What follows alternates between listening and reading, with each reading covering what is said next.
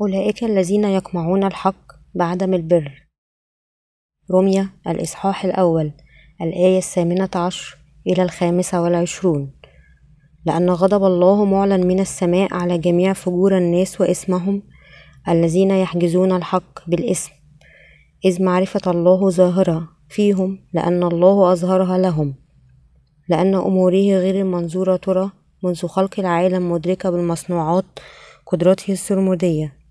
ولاهوت حتى إنهم بلا عذر لأنهم لما عرفوا الله لم يمجدوه أو يشكروه كإله بل حمقوا في أفكارهم وأظلم قلبهم الغبي. وبينما هم يسمعون إنهم حكماء صاروا جهلاء وأبدلوا مجد الله الذي لا يفنى بشبه صورة الإنسان الذي يفنى والطيور والدواب والزحافات. لذلك أسلمهم الله أيضا في شهوات قلوبهم إلى النجاسة.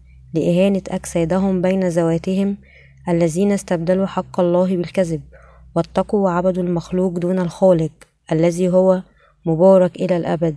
آمين. لمن أعلن غضب الله. يمكننا أن نرى أن بولس الرسول بشر بنفس الإنجيل الذي نكرس به. لمن انكشف غضب الله. أعلنت دينونة الله للخطاة الذين يقمعون الحق بالإسم. أي لأولئك الذين لديهم خطايا ويحجبون الحق بأفكارهم الخاصة.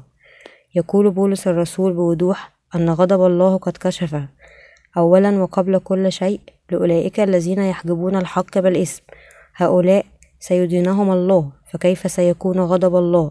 سيسقط غضب الله جسدهم وأرواحهم في الجحيم. يجب ألا نعتقد أنه سيتم الحكم على الجسد فقط لأن الناس لديهم أيضا أرواح لذلك سيدين الله الجسد والروح. هناك من يحجب حق الله بأفكارهم الأرضية. هناك من هم ضد الأبرار أي الذين لديهم خطية. إن غضب الله ودينونته مكشوفان لأولئك الذين لديهم خطية قساوة القلب الذين لا يخافون الله.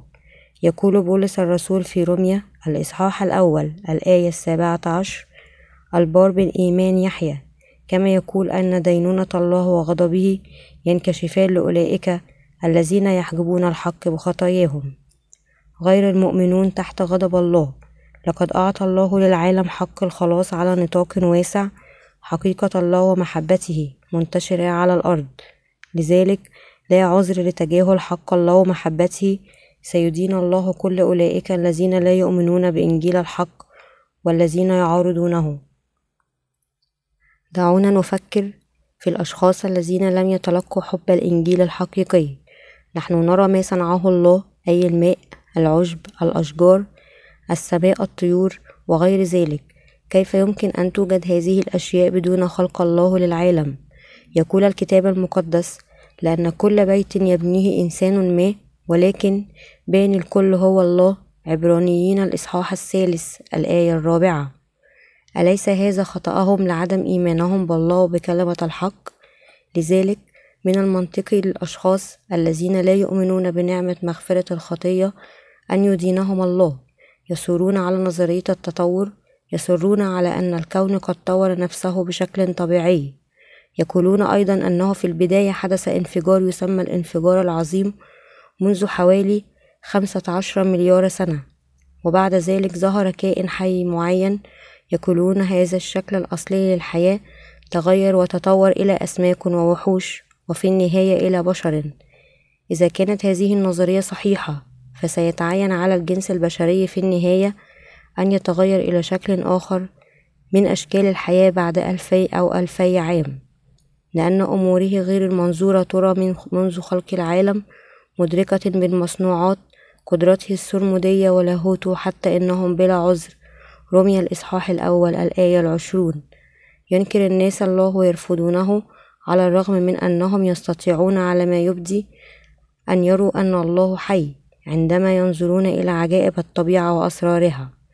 غير المؤمنون تحت غضب الله. كثير من الناس لم يمجدوا الله ولم يكونوا شاكرين. لذلك أصبحوا عقيمين في أفكارهم. أظلمت قلوبهم الغبية. ادعوا أنهم حكماء فأصبحوا حمقى وغيروا مجد الله عديم الفساد إلى صور قابلة للفساد لرجال وطيور ووحوش بأربعة أقدام وأشياء زاحفة. يبدو أن دينونة الله تنتظر هؤلاء الرجال كل الناس الذين لم يولدوا ثانيا تحت دينونة الله سواء كانوا يؤمنون بيسوع أم لا. الله يسلم غير المؤمنين للنجاسة. لذلك أسلمهم الله أيضا في شهوات قلوبهم إلى النجاسة لإهانة أجسادهم بين ذواتهم الذين استبدلوا حق الله بالكذب واتقوا وعبدوا المخلوق دون الخالق الذي هو مبارك إلى الأبد. آمين. لذلك أسلمهم الله إلى أهواء الهوان لأن إناثهم استبدلنا الاستعمال الطبيعي بالذي على خلاف الطبيعة. وكذلك الذكور أيضا تاركين استعمال الأنثى الطبيعي اشتعلوا بشهواتهم بعضهم لبعض. فاعلين الفحشاء ذكورا بذكور ونائلين في أنفسهم جزاء ضلالهم المحق. رمي الإصحاح الأول الآية الرابعة والعشرون إلى السابعة والعشرون. ماذا تحاول هذه الفقرة أن تقول؟ يترك الرجل يترك الله الرجال الذين يعبدون ويخدمون المخلوقات يخطئون كما يحلو لهم كما أنه يسلمهم للشيطان. يسمح الله للشيطان أن يفعل ما يشاء. لذلك يجب أن نؤمن بالله ونخلص في كل الأحوال لأن إناثهم استبدلنا الاستعمال الطبيعي بالذي على خلاف الطبيعة وكذلك الذكور أيضا تاركين استعمال الأنثى الطبيعي اشتعلوا بشهواتهم بعضهم لبعض. هذا مثل إنكار الله وهو ما يتسبب في مرض الإيدز. أعطى الله الاستخدام الطبيعي يجب أن يعيش الرجل مع امرأة ومع ذلك فإن حقيقة أن الرجال لديهم علاقات مع الرجال والنساء مع النساء تظهر أنهم ينكرون الاستخدام الطبيعي الذي أعطاه الله. تمت كتابة سفر روميا منذ حوالي ألفي وتسعمائة عام. تنبأ بولس الرسول بأن أولئك الذين يتركون الاستخدام الطبيعي لجنسهم سيدفعون عقوبة اضطرابهم الجنسي. تتحقق كلمة الله في الواقع هذه الأيام. نحن نعلم أن الإيدز منتشر خاصة بين المثليين جنسيا. ومن المناسب تماما أن يدفعوا عقوبة خطاياهم الجنسية يظهر غضب الله على الرجال الذين يغيرون الاستخدامات الطبيعية لجنسهم إنهم يستحقون أن ينالوا عقوبة الإيدز. وهذا المرض سببه بالتأكيد عدم الإيمان بالله. يسلم الله غير المؤمنين للعقل الفاسد بعبارة أخرى إنها بالتأكيد لعنة الله. هم يعارضون بر الله. الناس الذين لا يحبون أن يبقوا الله في فكرهم. هم كالتالي مؤمنين من كل اسم وزنا وشر وطمع وخبث مشحونين حسدا وقتلا وخصاما ومكرا وسوءا نمامين مفترين مبغضين لله سالبين متعظمين مدعين مبتدعين شرورا غير طائعين للوالدين بلا فهم وبلا عهد ولا حنو ولا رضا ولا رحمة. الذين إذا عرفوا حكم الله أن الذين يعملون مثل هذه يستوجبون الموت لا يفعلونها فقط بل أيضا يسرون بالذين يعملون. رمية الإصحاح الأول الآية التاسعة والعشرون إلى الثانية والثلاثون. ماذا يفعل أولئك الذين يمارسون هذه الأشياء؟ لأولئك الذين يمارسون نفس الشر. إنهم يتفقون معهم. ماذا يفعل الرجال الذين هم ضد الله بالأبرار؟ الذين يطوعون كلمة الله يضطهدون الأبرار قائلين أنتم هراطقة الأبرار يضطهدون من أجل البر. بعد أن يؤمنوا بيسوع هم مباركون. الناس يتعاطفون مع الذين يسيرون في الجسد ومع ذلك من الغريب أن نقول أننا نرى أنهم يعترضون ويمنعون الآخرين من الإيمان بيسوع وأن يصبحوا بارين بمغفرة الخطية. هذا يشبه العيش كخادم للخطية. لأنهم لا يؤمنون بالله ولا يطيعون كلمة الحق. لذلك يقول غير المؤمنين والشيطان أنه لا ينبغي أن نتقدس تماما ولا أن نحصل على غفران كامل للخطية رغم أنهم يسمحون لنا أن نؤمن بيسوع المسيح. يعتقد ويقول غير المؤمنين والعاصين أنه يجب عليهم الإيمان بيسوع حتى يذهبوا إلى السماء بالرغم من أن قلوبهم بها خطايا. هذا هو سبب شعورهم بالراحة عندما يؤمنون بيسوع كخطاة أولئك الذين لا يعرفون الله ولا يؤمنون به مع أنهم مسيحيون لا يقبلون الله بمعرفتهم ويقاومونهم إنهم يعارضون بر الله كما يعبدون الشيطان وكل الخطايا أولئك الذين لم يولدوا ثانيا مع أنهم يؤمنون بيسوع فهم كذلك. هناك الكثير من المسيحيين الإسميين الذين لم يولدوا مرة أخرى أولئك الذين يؤمنون بيسوع مع وجود خطايا في قلوبهم لا يطيعون كلمة حق الله ويعارضون المسيحيين المولودين من جديد الذين نالوا مغفرة الخطية وتقدسوا بالإيمان بحقيقة يسوع المسيح. أولئك الغير مولودين من جديد يقاومون المولودين من جديد. يقول بولس الرسول في الكتاب المقدس أن غضب الله يظهر للناس الذين يقمعون الحق بالاسم ويقول أيضا إن دينونة الله معلنة من السماء على كل معصية واسم. كل شيء يتم وفقا للحق. الحق هو أن الرب قد محى كل خطايانا. تعلن دينونة الله لمن هم ضد الحق ويحجبونه. نتعلم من خلال كلمة الله أن جميع المؤمنين الذين لم يولدوا ثانيا سيحكم عليهم الله. سيدين الله أولئك الذين لم يولدوا ثانيا مع أنهم يؤمنون بيسوع. يحب المؤمنون الذين لم يولدوا ثانيا أن يقولوا الكذب على المولودين ثانيا بقلوب مملوءة بالشر. هؤلاء سيذهبون إلى الجحيم. الله ينفيهم إلى الجحيم. إنهم مليئون بالخبث ويتآمرون معا. يجب أن يحكم على الخطاة الذين يتآمرون معا ضد الصديقين الذين نالوا مغفرة الخطية. هل تفهم ما أعني؟ يجب أن نشفق عليهم. إنهم يقاومون الله بخطاياهم. غير مدركين أنهم ضده ويتهامسون من الغريب. ألا يكون لهم خطايا؟ هذا يبدو غريبا. إن دينونة الله معلنة لمن هم ضد الله بشرورهم هؤلاء الناس يستع... يسعدون بمن يفعل ذلك ويعترفون بصحة التآمر والافتراءات. المسيحيون الذين لم يولدوا من جديد يتهامسون يتآمرون لبعضهم البعض ويفترون على الصديقين إنهم يغتابون الأبرار ويكرهونهم ويفتخرون بأنفسهم ويتآمرون معا على الشر. هل تعلم كيف يبتدعون الشر؟ يرتكبون شرورا بالاتحاد مع بعضهم البعض. إنهم يعارضون الأبرار بشعارات جيدة مثل دعونا نؤمن بيسوع جيدا دعونا نمتلك النوع الصحيح من الإيمان لنكن نور العالم. إنهم يرتكبون مثل هذه الخطايا وهم متحدون. لأنه ليس من الممتع أن تخطئ وحدك.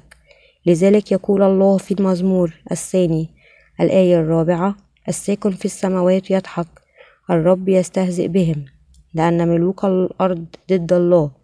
يقول الله أو هذا ممتع لن يحدث لي أي شيء على الإطلاق بغض النظر عن التحدي الذي توجهه ضدي.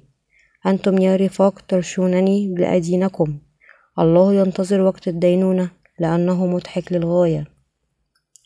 أولئك الذين يدينوا المستقيم سيحاكموا من قبل الله. أولئك الذين هم ضد حق الله والذين لم يولدوا ثانيا يرتكبون خطايا. أولئك الذين ولدوا ثانيا لديهم أيضا حقد ونقائص في الجسد. ومع ذلك فالأمر مختلف في الواقع. نحن نؤمن بالله وبالحق. لقد تلقينا نلنا مغفرة الخطية من خلال الله. ومع ذلك فهم لا يؤمنون بالله على الإطلاق. هؤلاء الناس ضد بر الله وحقه لذلك أنت بلا عذر أيها الإنسان. كل من يدين لأنك فيما تدين غيرك تحكم على نفسك. لأنك أنت الذي تدين تفعل تلك الأمور بعينها. روميا الإصحاح الثاني الآية الأولى.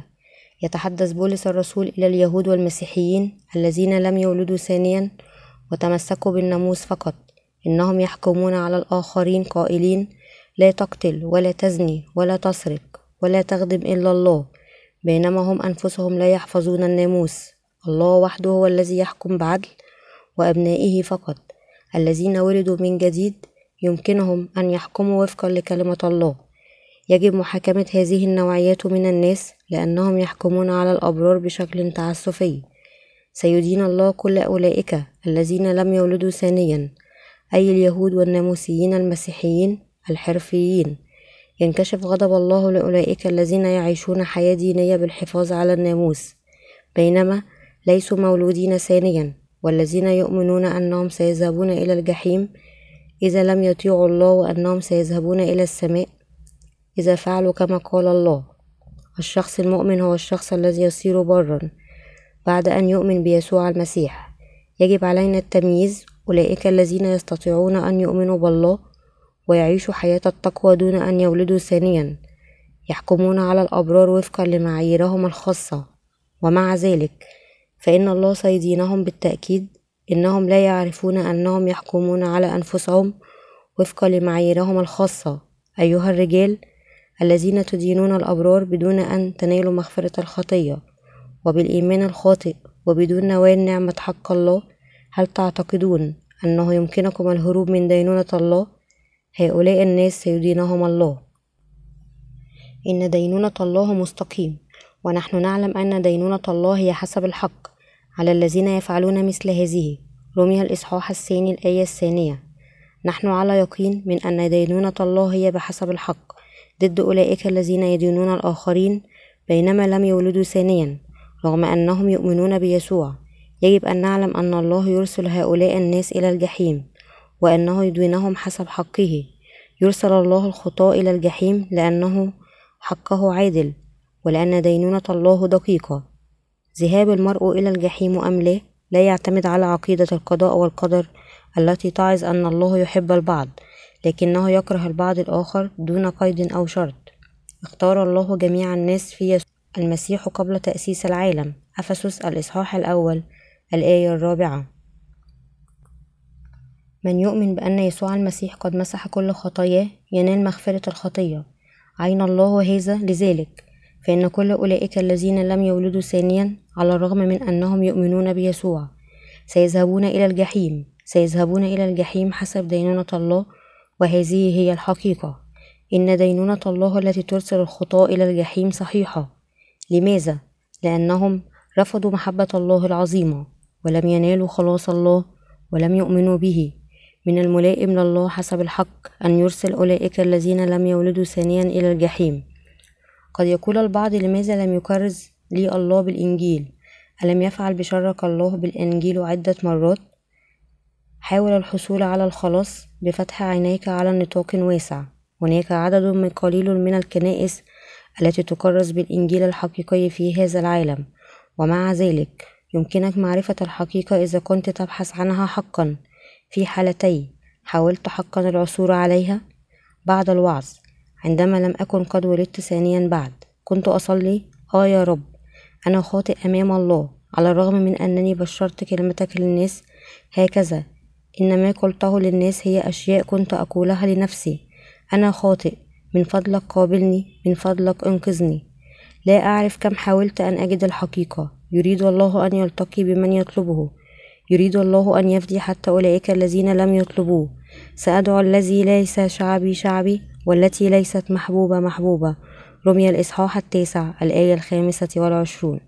يقول الله أنه مخلصنا الذي جاء إلى هذا العالم ليخلصنا.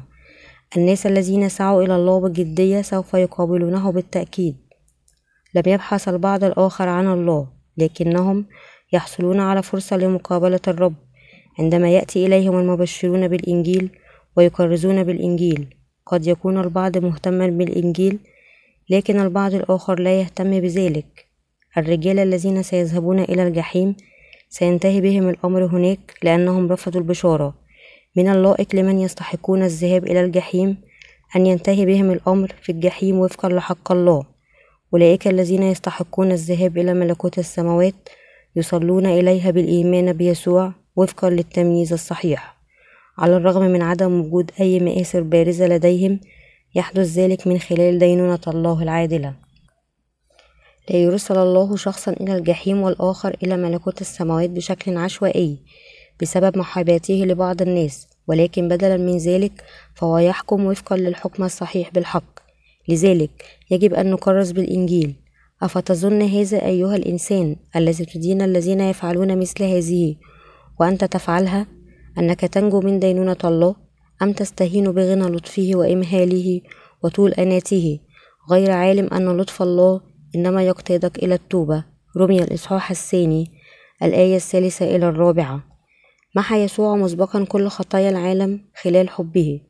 يقول بولس الرسول للخطاة اليهود والناموسيين المسيحيين الذين لم يقبلوا محبة يسوع ولم يولدوا ثانيا أنهم سيدينون. إنه من المقدر لهم أن يذهبوا إلى الجحيم. لكن ما هو الإنجيل؟ في رمية الإصحاح الثاني الآية الرابعة الله يقول أم تستهين بغنى لطفه وإمهاله وطول أناته؟ غير عالم أن لطف الله إنما يقتادك إلى التوبة؟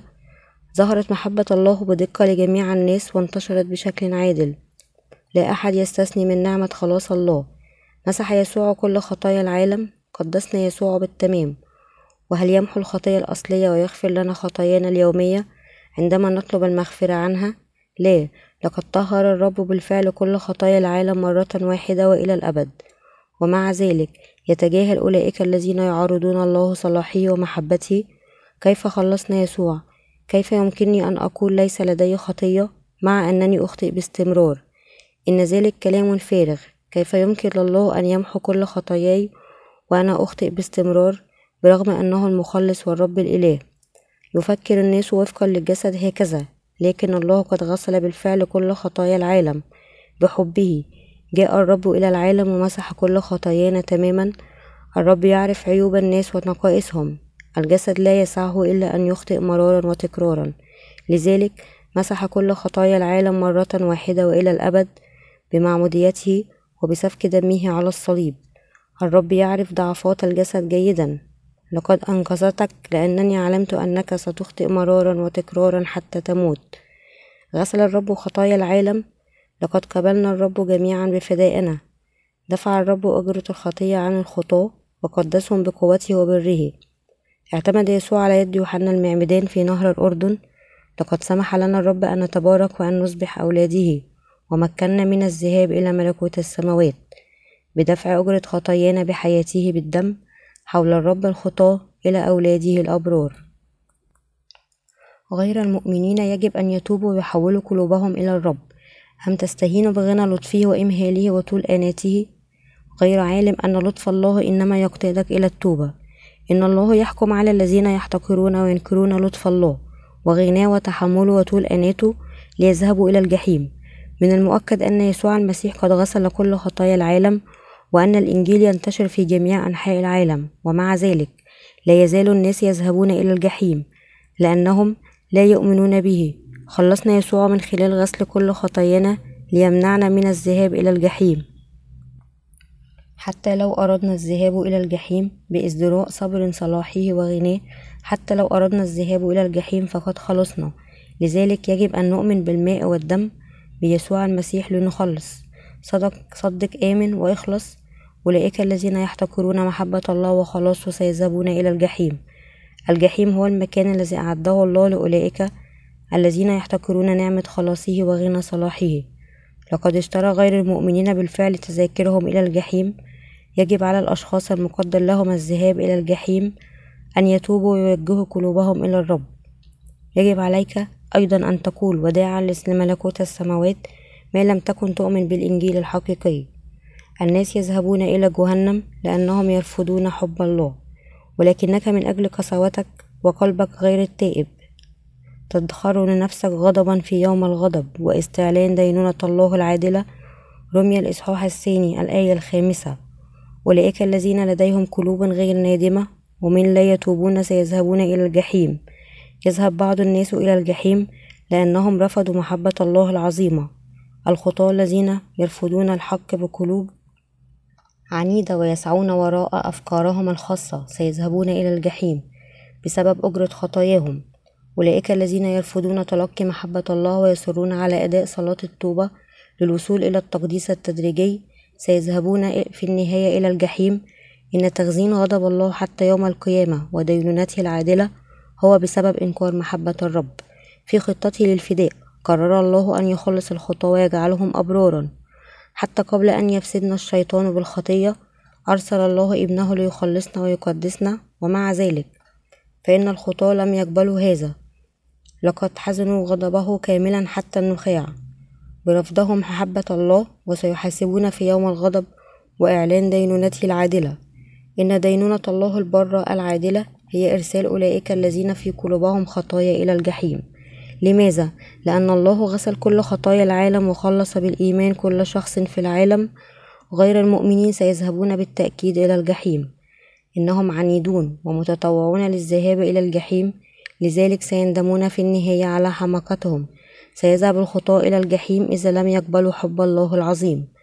يعتقد الناس أن الله غير منطقي لأنه يرسل بعض الناس إلى الجحيم وآخرون إلى ملكوت السماوات بشكل عشوائي.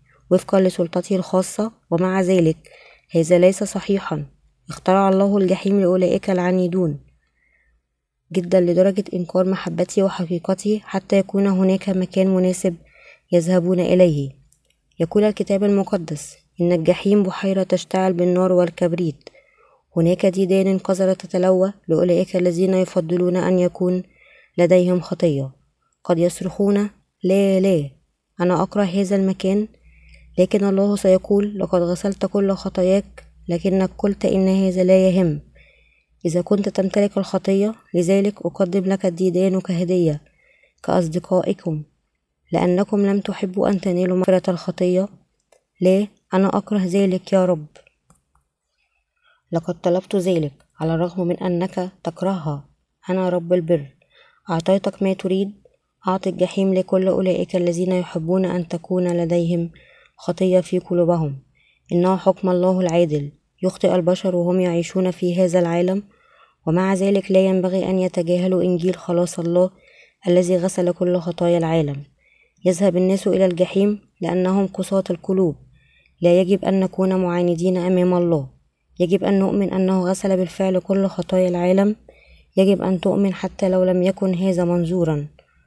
الله يخبرنا أنه أحبنا مسبقا. يخبرنا الله أنه أحبنا بالفعل. لقد غسلت بالفعل كل خطاياك. يجب أن تصدق هذه الحقيقة. عندما يقول الله أنه خلق السماوات والأرض يجب أن نصدق هذا لأن كلمة الله حق. يبدأ الإيمان بالإيمان بكلمة الله. يؤمن الناس بشيء فقط عندما يفهمونه برؤوسهم الصغيرة ولا يؤمنون عندما لا يستطيعون فهمه. غير المؤمنين الذين لا يؤمنون بأن الله خلص كل الخطاة من خطاياهم. سيذهبون إلى الجحيم. هم الذين يتخذون قراراتهم للذهاب إلى الجحيم. كان هناك مسيحي بارز صرح علانية ذات مرة أعترف أمام الله بأنني آثم حتى الموت. مات وذهب بالتأكيد إلى الجحيم. وقال لله أعلن أنني خاطئ أمام الله ولا أستطيع أن أكون برا أمامه. استمر في كونه خاطئا حتى وقت وفاته. لقد رفض محبة الله والحق حتى أنفاسه الأخيرة. ثم قال الرب أنت مخلص جدا لإيمانك الشخصي. من المناسب أن تذهب إلى الجحيم حسب إيمانك. أرسلك إلى الجحيم لأن الخطاة لا يمكنهم أبدا دخول ملكوت السماوات. لو كنت قد أمنت. الرجل الذي قال أصرح بأنني خاطئ حتى أموت. ذهب إلى الجحيم حتى الله لا يستطيع أن يساعد هؤلاء الناس. هم لم يعلنوا فقط أنهم خطاة على الرغم من أنهم قد ينتهي بهم الأمر. في الجحيم بعد غد ولكنهم علموا أيضا المؤمنين الذين وثقوا بهم. نحن خطاة حتى نموت وسنظل خطاة عندما نقف أمام الله.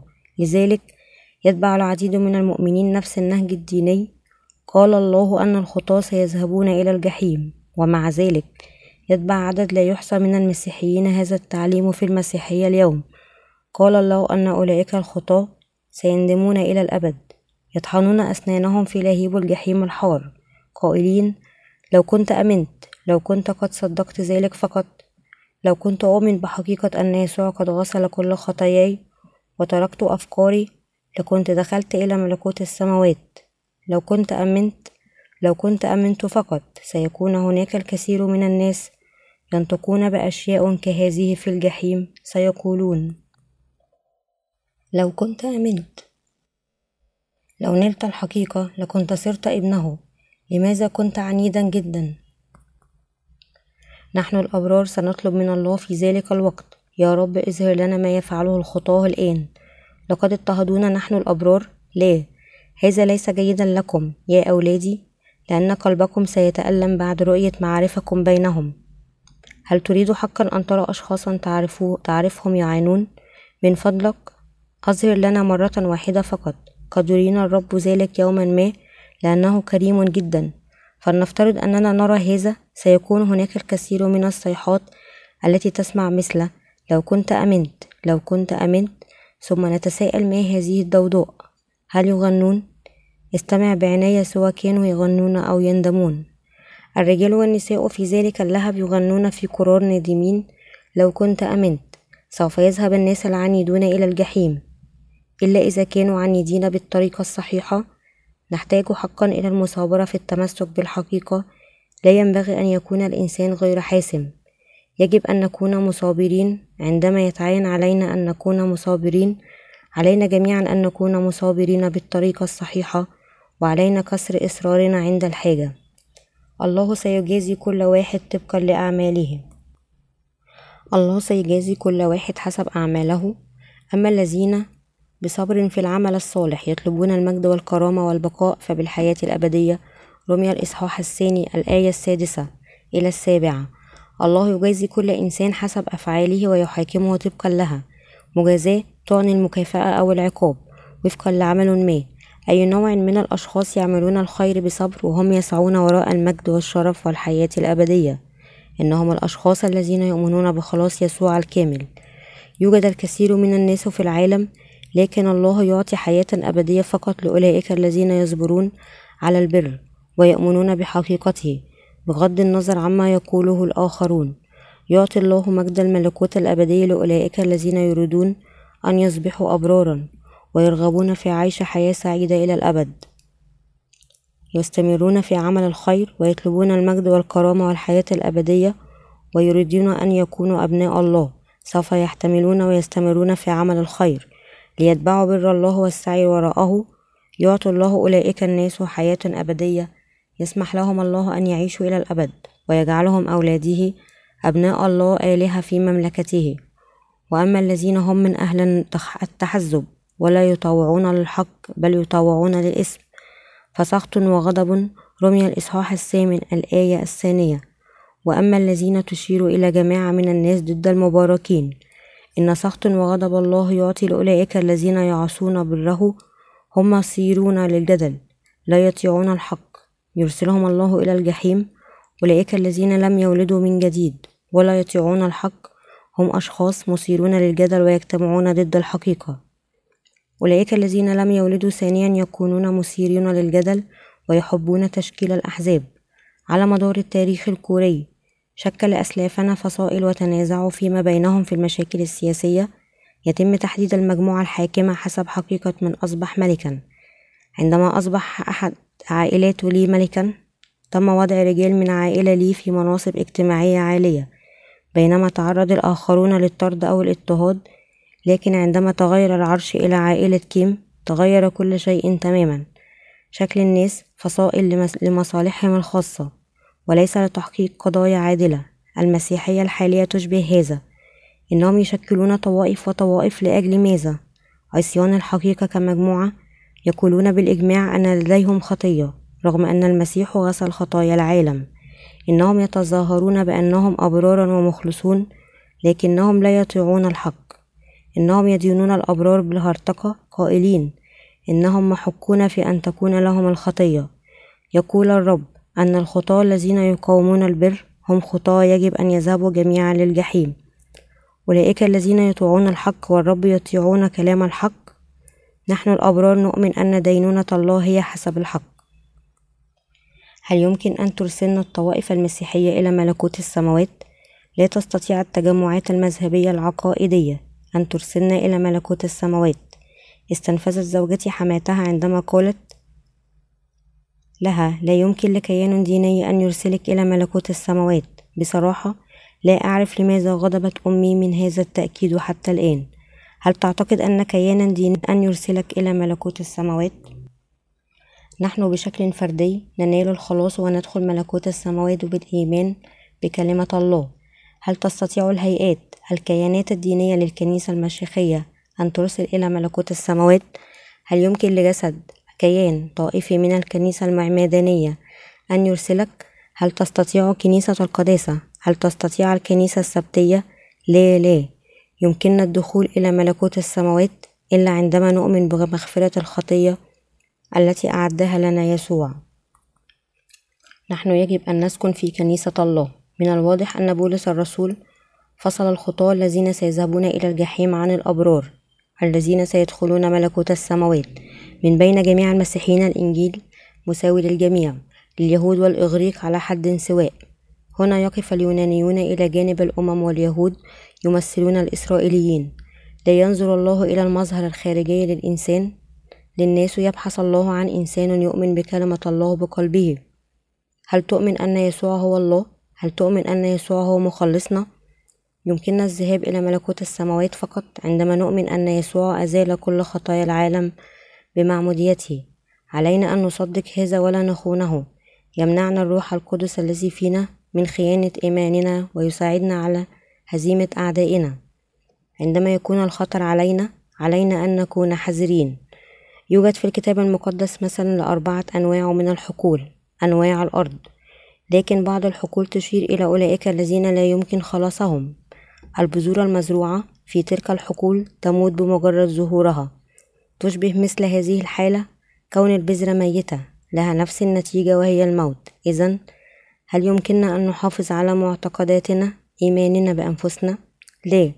يمكننا أن نحافظ على إيماننا فقط عندما يمنحنا الرب القوة لتحمل أي مشكلة وعلاج لكل مرض روحي بينما نثبت في الكرمة الحقيقية. كنيسة الله هي الكرمة يمنحنا الرب البركات والتعويضات والتعزية والإيمان لتحمل الاضطهاد بينما نثبت في كنيسة الله. ولكن ماذا يحدث لنا إذا لم نثبت في الكرمة؟ سنموت بسرعة. لا يمكن لقلوب الأبرار أن تتحمل هجمات الشيطان وفي النهاية تمرض إذا لم يتحدوا عن طيب خاطر مع الكنيسة. على الرغم من أنهم قد يتمتعون بالعديد من القدرات والقوى هل تفهم إنها ستسقط تدريجيا؟ وتصبح عديمة الفائدة أكثر فأكثر. يقول الكتاب المقدس أنتم ملح الأرض ولكن إذا فسد الملح فبماذا يملح؟ لا يصلح بعد لشيء إلا أن يطرح خارجا وتدوسه الناس. متى الإصحاح الخامس؟ الآية الثالثة عشر. حتى الأبرار لا يصلحون لأجل شيء إذ كانوا يعيشون بعيدا عن الكنيسة. يمكنهم أن يضيئوا أنوارهم ويباركون عندما يبقون في الكنيسة لكنهم يتعرضون للدمار عندما يعيشون بعيدا عن الكنيسة ولا يمكنهم التغلب على العالم عندما يضل في العالم بعيدا عن الكنيسة. إلى متى يمكنك التمسك بمعتقداتك؟ ما هي المدة التي يمكنك فيها الوقوف بعيدا عن كنيسة الله؟ حتى خدام الله لا يستطيعون أن ينتصروا هكذا. ومع ذلك إذا ثبتنا في الكرمة فسيخلص أهل بيتنا ويمكن أن يحصل كثير من الناس على مغفرة الخطية من خلالنا. أين ذهب لوط بعد أن سعى وراء شهوة جسدية؟ ذهب إلى سدوم عاش هناك بشكل جيد. ماذا كانت النتيجة؟ لقد دمر. يقول الكتاب المقدس أن كل نسل لوط قد خربوا. جاء المؤيبون والعمونيين من بنات لوط. لماذا ولد النسل الذي كانوا ضد الله من لوط البار؟ كان ذلك بسبب رحيله عن الكنيسة. إن سبب عدم خيبة أملي في أي من الأوقات الصعبة هو أن الله أقام كنيسته. يبارك الله الكنيسة حيث يجتمع الأبرار ويصبح الراعي ورب الكنيسة لكل قديس إنه وعده وتأكيده. لأن كل من أخطأ بدون الناموس فبدون الناموس يهلك وكل من أخطأ في الناموس فبالناموس يدان لأن ليس الذين يسمعون الناموس هم أبرار عند الله بل الذين يعملون بالناموس هم يبررون. لأنه الأمم الذين ليس عندهم الناموس متى فعلوا بالطبيعة. ما هو في الناموس؟ فهؤلاء إذ ليس لهم الناموس هم ناموس لأنفسهم. الذين يظهرون عمل الناموس مكتوبا في قلوبهم شاهدا ضميرهم وأفكارهم فيما بينها مشتكية أو محتجة. رمي الإصحاح الثاني الآية الثانية عشر إلى الخامسة عشر. الشخص الذي لا يذهب إلى الكنيسة لا يعرف الناموس هذه الأيام ثم يصبح ضميره هو الناموس لأنه لا يعرف الناموس. يفعل الشر رغم أنه يعلم الصواب والخطأ في ضميره. إذا هذه خطية ويجب عليه أن يطلب الرب ليخلص من الخطية. يلتقي الله بمن يريد حقا ويطلبه. يجب أن نطلب الرحمة أمام الله ونؤمن به. يجب أن نؤمن به بينما نتخلى عن كبريائنا. يجب أن نعيش بالإيمان. لا يجب أن نترك كنيسة الله. يجب أن نسعى ونؤمن ونثبت في الكنيسة. لا يطردنا الله عندما نثبت في الكنيسة. حتى وإن كنا واهنين وضعفاء. خطية اليهود. الآن يبدأ بولس الرسول في التبشير بالإنجيل على نطاق واسع لليهود بعد فصلهم عن أولئك الذين سيذهبون إلى ملكوت السماوات. هوذا أنت تسمى يهوديا وتتكل على الناموس وتفتخر بالله وتعرف مشيئته وتميز الأمور المتخالفة متعلما من الناموس. وتثق أنك قائد للعميان ونور للذين في الظلمة؟ ومهذبا للأغبياء ومعلما للأطفال. ولك صورة العلم والحق في الناموس. فأنت إذن الذي تعلم غيرك. ألست تعلم نفسك؟ الذي تكرز أن لا يسرق أتسرق؟ الذي تقول أن لا يزني أتزني؟ الذي تستكرهه الأوثان؟ أتسرق الهياكل؟ رمي الإصحاح الثاني الآية السابعة عشر إلى الثانية والعشرون. يجب أن نعرف ما يلي. تحدث الله في الأصل مع اليهود فكانت لهم كلمة الله ونظام الذبائح. لقد وعد بالمسيح من خلال اليهود وأظهر خطته من خلال خدامه اليهود. لذلك كان موسى وجميع الأنبياء يهودا ومع ذلك اعتقد اليهود أنهم فهموا ما يرضي الله وما هي شريعته وكانوا يجتهدون في قراءة كلمة الله وحفظها. ومع ذلك قال بولس الرسول هوذا أنت تسمى يهوديا وتتكل على الناموس وتفتخر بالله. لم يخلص اليهود. على الرغم من تفاخرهم بالله وتقديم الذبائح بجدية أولئك الذين لا يؤمنون بتماما بيسوع كمخلص لهم هم مثل غير المؤمنين. هذا يعني أنهم لم يؤمنوا بوعود الله أنه سيخلصهم كما في نظام الذبائح ولم يؤمنوا بيسوع المخلص. سيذهب اليهود إلى الجحيم لأنهم لا يؤمنون بيسوع المخلص. كان من غير المجدي بالنسبة لهم أن يضعوا أيديهم على رؤوس الأغنام مرارا وتكرارا. لم يؤمنوا حقا بأن وضع الأيدي يعني تمرير الخطايا. في زمن ملاخي في نهاية العهد القديم لقد صدقوا ذلك جيدا حتى أيام داود لكن عقائدهم إيمانهم بدأت تتعثر منذ عهد سليمان. خلال عصر المملكة المنقسمة عبدوا آلهة أخرى مثل بعل وعشيرة بينما كانوا يقدمون تضحيات شكلية في الهيكل. خدمات التضحية الشكلية هي نفسها عدم الإيمان بالله. يرضى الله عندما نؤمن بكلمته ونثبت في كلمته. في نظام ذبيحة الخيمة المقدسة كانت خطايا الإنسان تنتقل على رأس الذبيحة عندما يضع يديه عليها لكنهم لم يؤمنوا بذلك وقاموا بتعليم الآخرين هذا على الرغم من أنهم يعرفون ما هو الخطأ والصحيح كانت هذه خطية اليهود إن عدم الإيمان بصدق كلمة الله ومعرفة كلمته حرفيا والتبشير بالكلمة للآخرين هي خطية اليهود. إن هذا مثل عدم الإيمان بالله إنها خطية مميتة. هوذا أنت تسمى يهوديا وتتكل على الناموس وتفتخر بالله وتعرف مشيئته وتميز الأمور المتخالفة متعلما من الناموس وتثق أنك قائد للعميان ونور للذين في الظلمة. ومهذب للأغبياء ومعلم للأطفال. ولك صورة العلم والحق في الناموس. أشار بولس إلى خطية عدم الإيمان بين اليهود. أن يؤمن الشخص بيسوع بالخطايا في القلب هو تجديف على الله. يمكننا تطبيق نفس خطأ اليهود على معظم المسيحيين اليوم. اليهود هم نفس أولئك الذين لا يؤمنون بأن يسوع قد قدسهم بمحو كل خطاياهم. الذي تفتخر بالناموس أبتعدي الناموس تهين الله. لأن اسم الله يجدف عليه بسببكم بين الأمم كما هو مكتوب رمي الإصحاح الثاني الآية الثالثة والعشرون إلى الرابعة والعشرون. إنها إهانة لاسم الله إذا كنا نؤمن بيسوع بطريقة خاطئة. إنها إهانة لاسم الله إذا لم نؤمن بالضبط بما فعله يسوع وإذا لم نولد من جديد. إنها إهانة لله أن نؤمن بيسوع دون أن نولد ثانيا. فإن الختان ينفع إن عملت بالناموس ولكن إن كنت متعديا الناموس فقد صار ختانك غرلة إذا كان الأغرر يحفظ أحكام الناموس أفما تحسب غرلته ختانا؟ وتكون الغرلة التي من الطبيعة وهي تكمل الناموس تدينك أنت الذي في الكتاب والختان تتعدى الناموس. لأن اليهودي في الظاهر ليس هو يهوديا ولا الختان في الظاهر في اللحم ختانا. بل اليهودي في الخفاء هو اليهودي وختان القلب بالروح لا بالكتاب هو الختان الذي مدحه ليس من الناس بل من الله. رمي الإصحاح الثاني الآية الخامسة والعشرون إلى التاسعة والعشرون. نحن كلنا يجب أن ننال كلمة يسوع بقلوبنا. ما الذي جاء أولا الختان أم الناموس؟ أيهما جاء أولا الختان أم الناموس؟ أي واحد أعطاها الله لإسرائيل أولا؟ الختان. قال الله لإبراهيم أن يختتن. لم يكن لإبراهيم ابن شرعي رغم أنه كان عمره تسعة وتسعون عاما ومع ذلك فقد وعد الله إبراهيم بابن عندما كان في الخامسة والسبعون من عمره. قال الله لإبراهيم تعال إلى الخارج سأعطيك نسلا مثل النجوم في السماء. آمن إبراهيم بكلمة الله وانتظر خمسة وعشرون سنة تم الوفاء بالوعد.